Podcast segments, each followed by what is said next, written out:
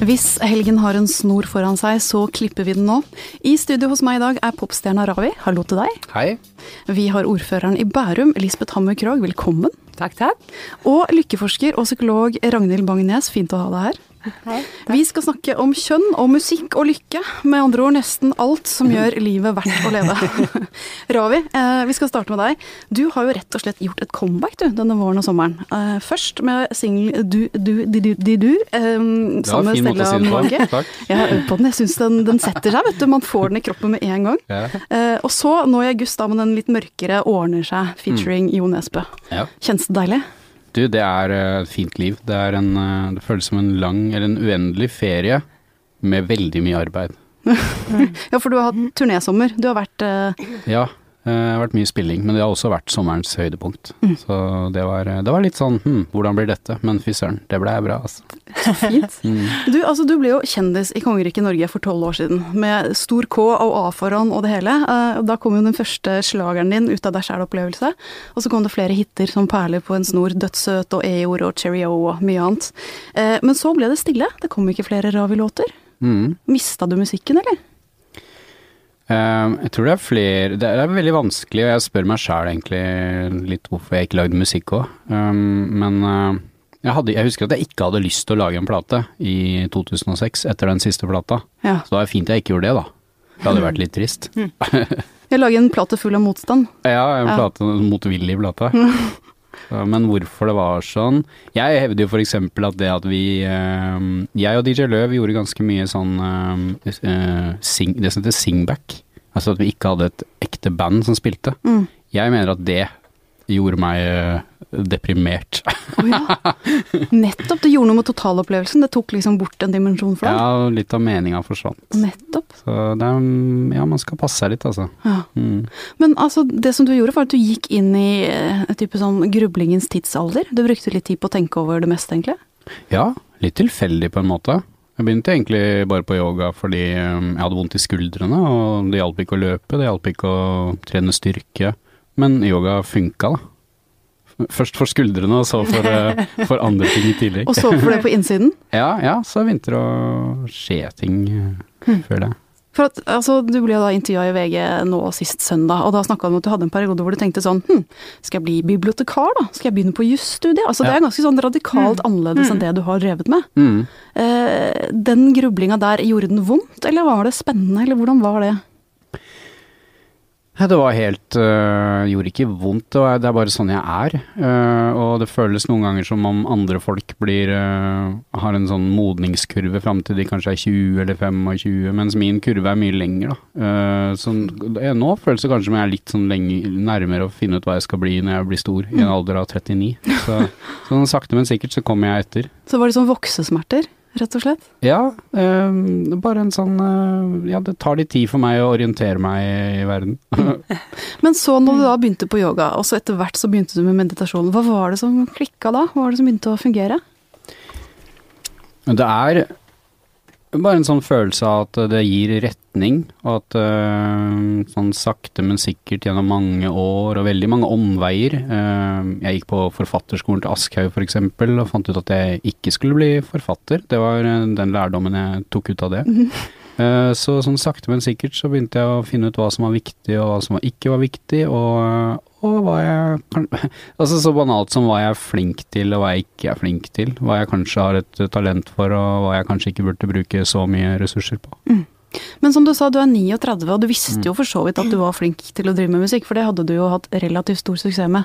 Ja. Eh, hva er det som gjør at det kludrer seg til, tror du, av og til? Og hva er det som gjør at det å f.eks. tømme hodet for tanker, da, som man må gjøre med meditasjon, eh, Mm. på hvilken måte får det deg til å se tydeligere?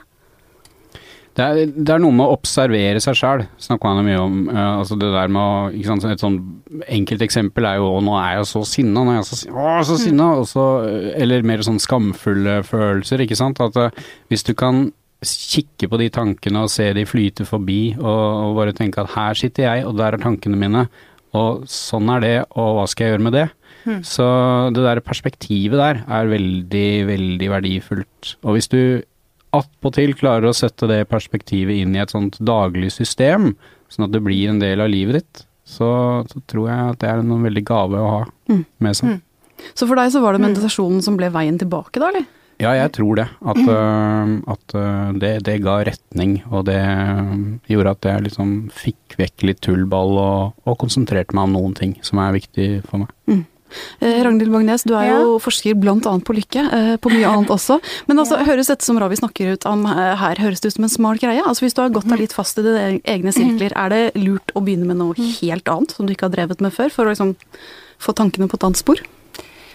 Det kan være, når du snakker om meditasjon, og dette, vi har jo sett en sånn bølge av mindfulness f.eks. i ja. de senere årene, og det har vært gjort veldig mye forskning også, i, i sånn nevrovitenskapelig forskning, eller um, som viser at dette med det med å stoppe opp og reflektere og uh, og ta seg tid til å være oppmerksom både på hva som skjer, skjer omkring en, og, og, bobler opp inni igjen, på en måte, er veldig viktig for å ha et godt liv og, og for å gjøre gode valg og, og, kanskje reflektere over de målene man har og hva som er viktig. Altså.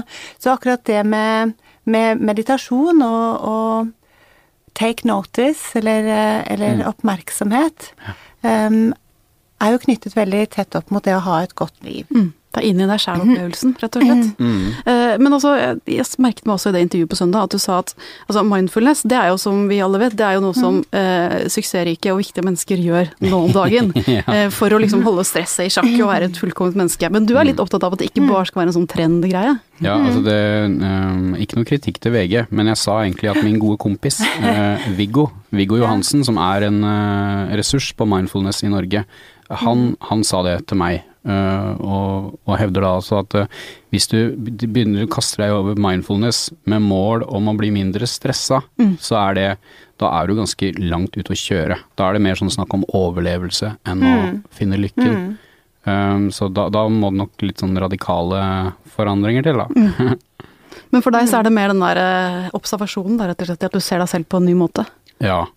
og det er også altså, jeg tror jo vel Altså, det er jo Meditasjon er jo så mye. Det er, det er, man snakker om å observere pusten, man skal gjenta et mantra inni seg. Sånn. Jeg har prøvd mye av de greiene der, og egentlig bare endt opp med å sitte Sitte?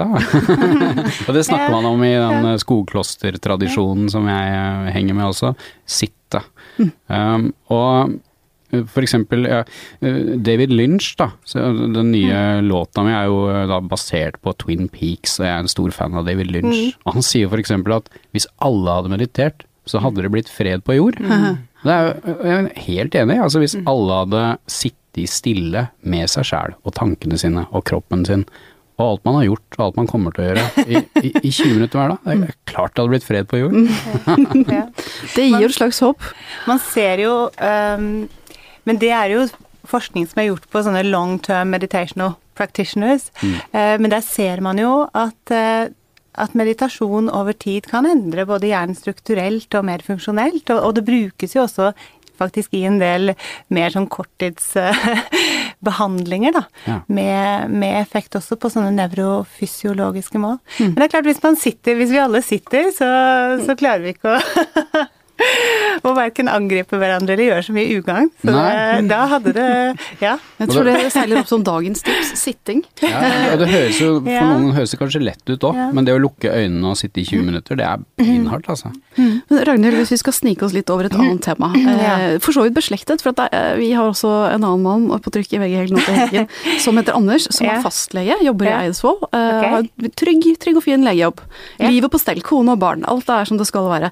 Men så har han den tanken tanken. Det, det er noe mm. mer der ute, det kunne vært annerledes, jeg skulle mm. gjort noe annet.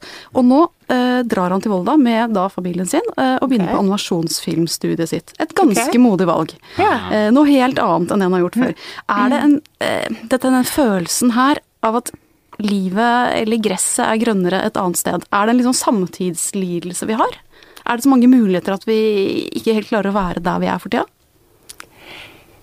Det kan hende at det er mer en samfunnslidelse, eller, eller, at det er eh, på en måte mer forekommer mer nå, da.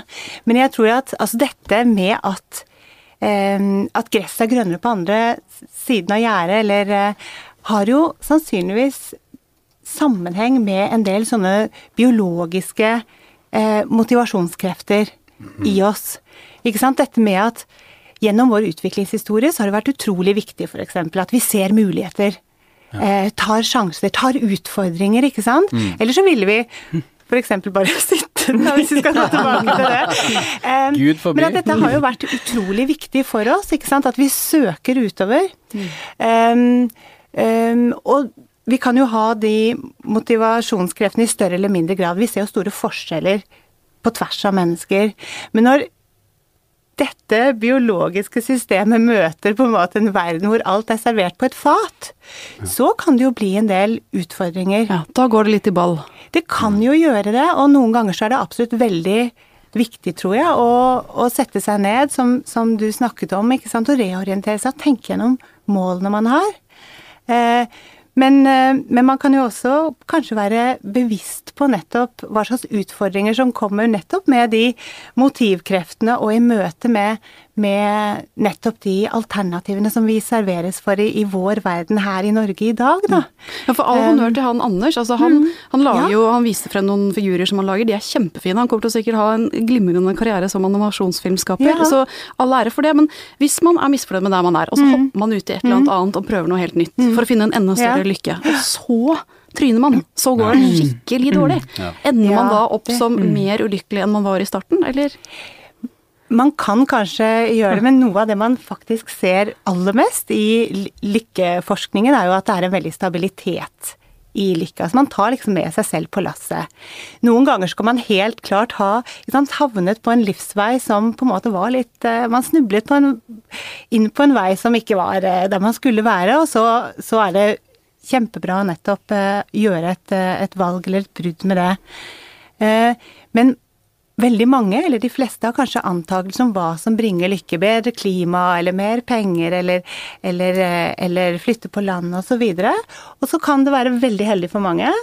Men for de fleste så så forandrer ikke livet seg så veldig mye. Mm. Vi har mange antakelser om hva som vil gjøre oss lykkelige, og så Blant annet var det gjort en god del studier av dette med, med været og lykke og, og, dette med å flytte til California versus å bo i en annen stat med litt noen mer nitrist vær.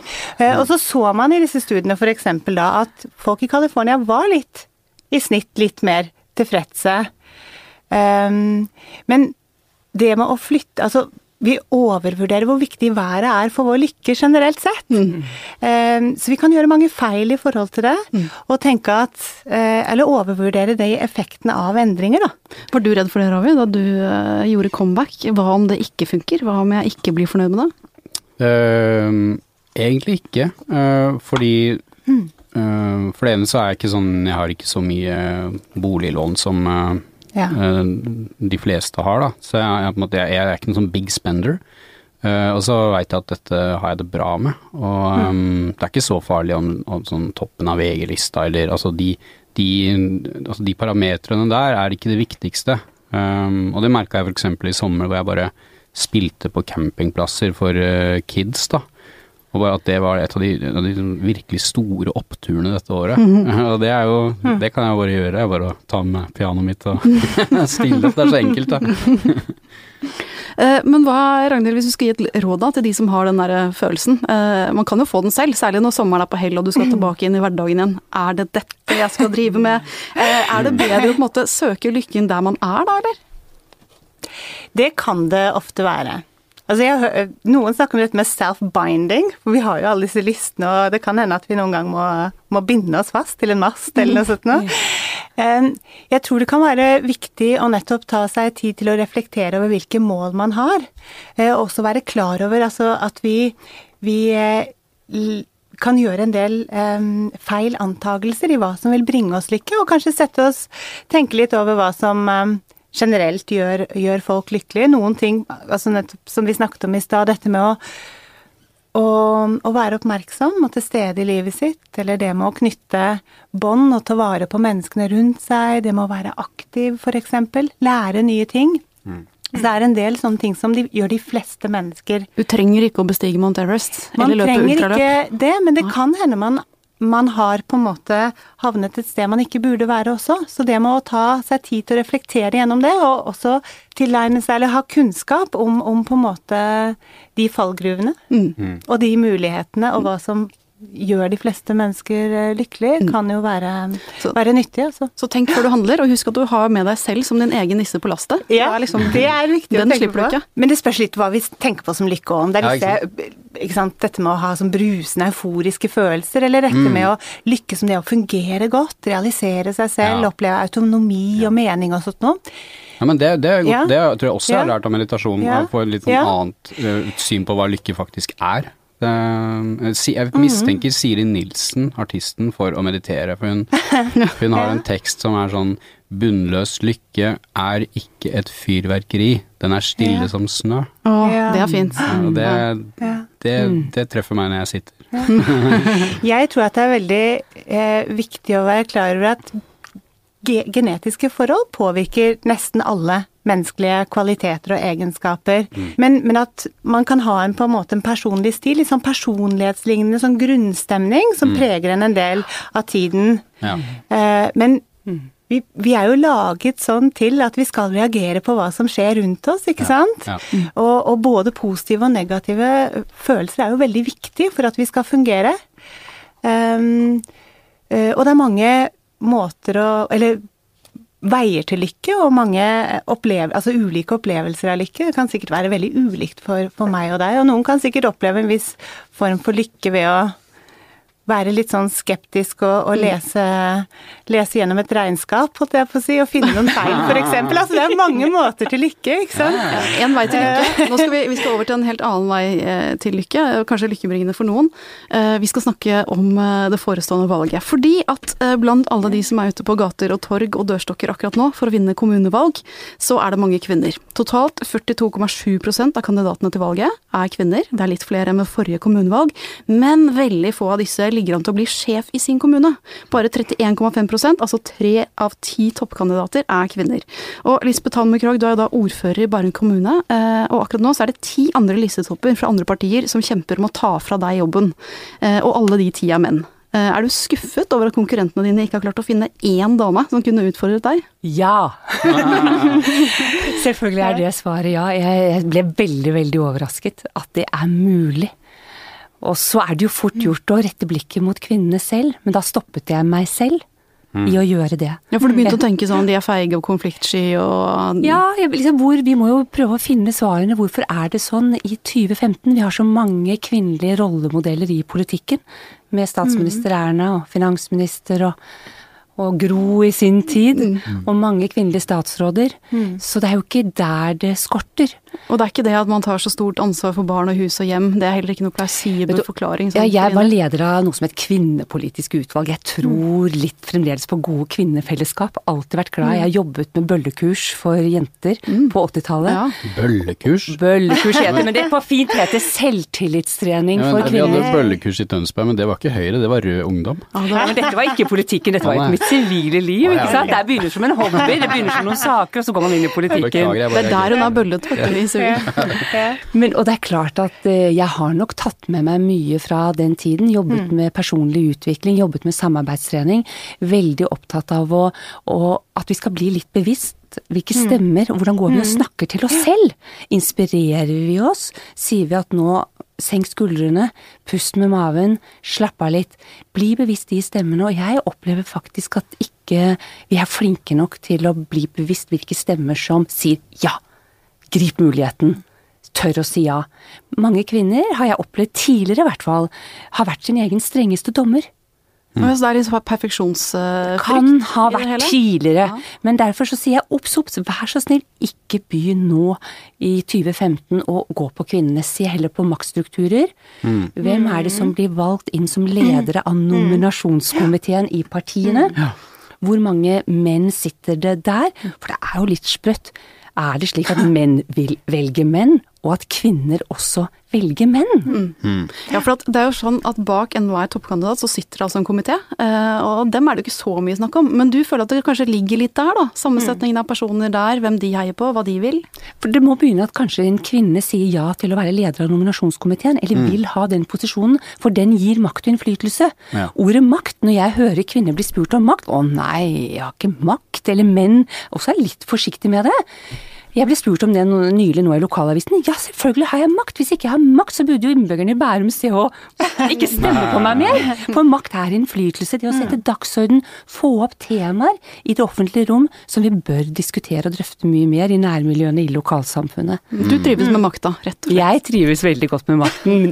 Og jeg er veldig opptatt av den den øyeblikkslykken Jeg kommer rett fra et foredrag nå og følte jeg fikk god kontakt med forsamlingen, satte av god tid til spørsmål, mm. og bare yes! Dette er moro. Jeg kjenner at jeg lever. Mm. Benny Andersen. Livet er ikke det verste man har, om litt er kaffen klar. Mm. Og det, det å kjenne at vi mennesker får lov til å bruke oss selv, men med et baktempe. hva, hva er det som gjør oss godt? Og få lov til å bruke både talenter og ressurser, det er jo et privilegium. Mm. Men du, eh, det er jo mye snakk om nå eh, at det kreves ytringsmot. Eh, altså hvis du fronter noe i dag, hvis du har en klar og tydelig mening, da er det så mange kanaler hvor folk der ute kan melde tilbake til deg. Og ofte så er det ikke så veldig hyggelige ting som kommer i de kanalene. Kjenner du deg igjen i det? Altså har du opplevd, har du fått mye drit i din tid i politikken? Ikke mye, jeg har ikke fått veldig mye, men, men, helt klart, du må ikke bruke energi på å lese alle kommentarer. Og få, har du dårlig nattesøvn, altså, så er ikke jo politikken noe for deg. Du må tåle å stå i konflikter og skille ting.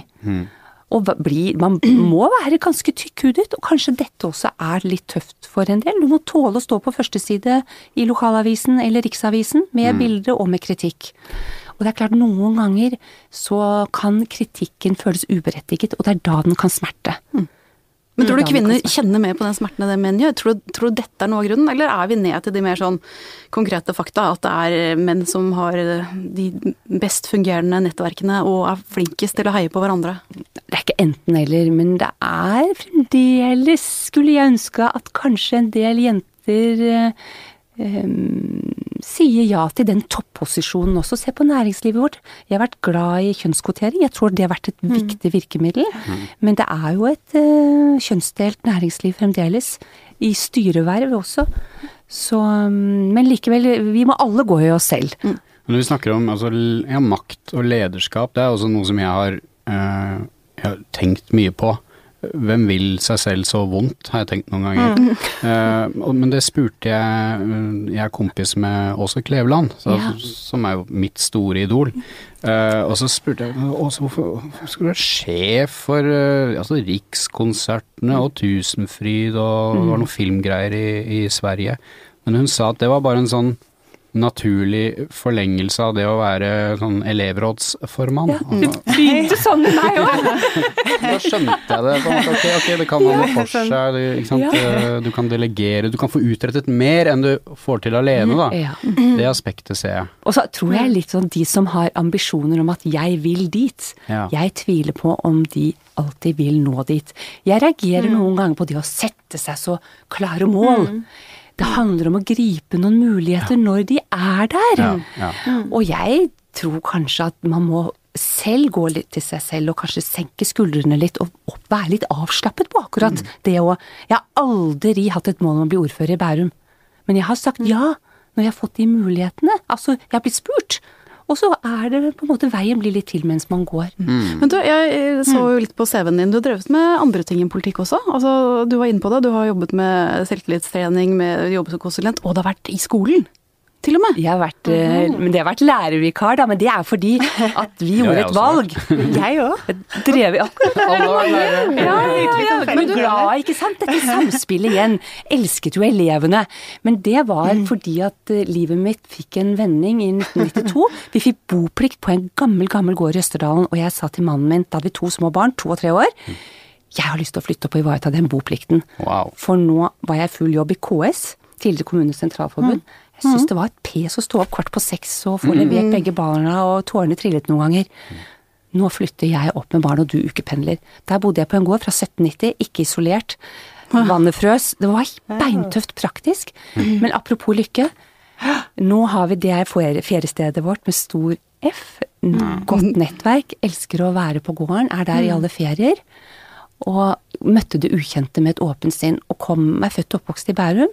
Og, og, noen spurte hvordan kan du overleve da, liksom utenfor Oslo og Bærum og sånn. Men dere, det handler jo om mennesker, og skjønne mennesker finner man jo absolutt overalt. Mm. Så det var seks fine, fine år. Men da gikk jeg inn i politikken der òg, og så måtte jeg ha noe jobb. Og da var det naturlig å søke jobb på ungdomsskolen. Mm. Så du tok selvrealiseringen eh, på landet lenge før den ble trender, du? Ja, det kan man kanskje si. Altså. Men det, ja, det var nydelige, nydelige år. Et siste spørsmål. Disse ti mennene som nå står klare for å vippe mm. deg ut av posisjonen din, eh, hva er ditt beste triks for å holde dem unna veien og mm. banke dem ned i støvlene? Engasjement og tro på um, at jeg får til sammen med mine kolleger i politikken. Det handler jo om virkelig å brenne for noe og vise det engasjementet. Og dere, valgkamp er valgkamp, men det er det arbeidet jeg og mine kolleger og vi gjør i en kommune hver dag. Mm. Nytter ikke å brette opp noen mm. ermer akkurat de tre-fire siste ukene, altså. Mm. Sorry. Mm. Så det altså, uh, gjør jobben du skal. Også, uh, det er lov å elske makta. Det syns jeg egentlig er et fint helgetips. Uh, vi nærmer oss slutten av Kan man er ordfører, er det lov å elske makta. Eh, eh, vi går inn i helgen, som sagt. Det, har dere noen andre typer helgetips? Du kan jo hive deg frempå først, Ragnhild, hvis du syns at mitt ble litt brutalt. Åh, oh, jeg ble så Jeg ble helt slått i bakken av den makt... eh, nei, altså jeg, jeg tror eh, nesten alltid at det å gjøre liksom hyggelige og gode ting med, med venner eller familie, altså sånne sosiale mm. ting, er, eh, er veldig bra. Så, så et helgetips er å, er å um, finne på noe Med de som gjør deg lykkelig? Ja, mm. absolutt. Kanskje også få seg en tur ut og kjenne solen mot ansiktet, eller eh, eh, lukta litt sånn eh, barnåler eller et eller annet. Mm. Ja. Ravi? Jeg har tre tips. Eh, hvis du er glad i Twin Peaks, må du skrive Ravi og Jo Nesbø i YouTube, så får du referansespekket musikkvideo. Den så jeg i dag, den var veldig fin. Jeg tenker litt på True Detective òg. Ja, ikke sant. Mm -hmm. det er, for det er, en, det er, jo Twin Peaks i vår tid, da. Ja, nettopp. Det er tanken ja. til regissør André Sjokron. Mm. Ja, hvis du er ved Flekkefjord, så spiller Ravi på lørdag. Det, da må du dit. og for alle andre så jeg, jeg, tror kanskje de skal prøve å bare sitte stille. Mm. Ikke så lenge de kan, men mm. Eh, sånn, kanskje prøve et kvarter, da. Sitt stille, ja. Elisabeth? Morgenbad før frokost. Hey. Det er lykke for meg. Da møtes vi på et sårberget sted, og vi tar med oss produsent Magne Antonsen på det. Tusen takk for at dere var i Helgestart denne uke.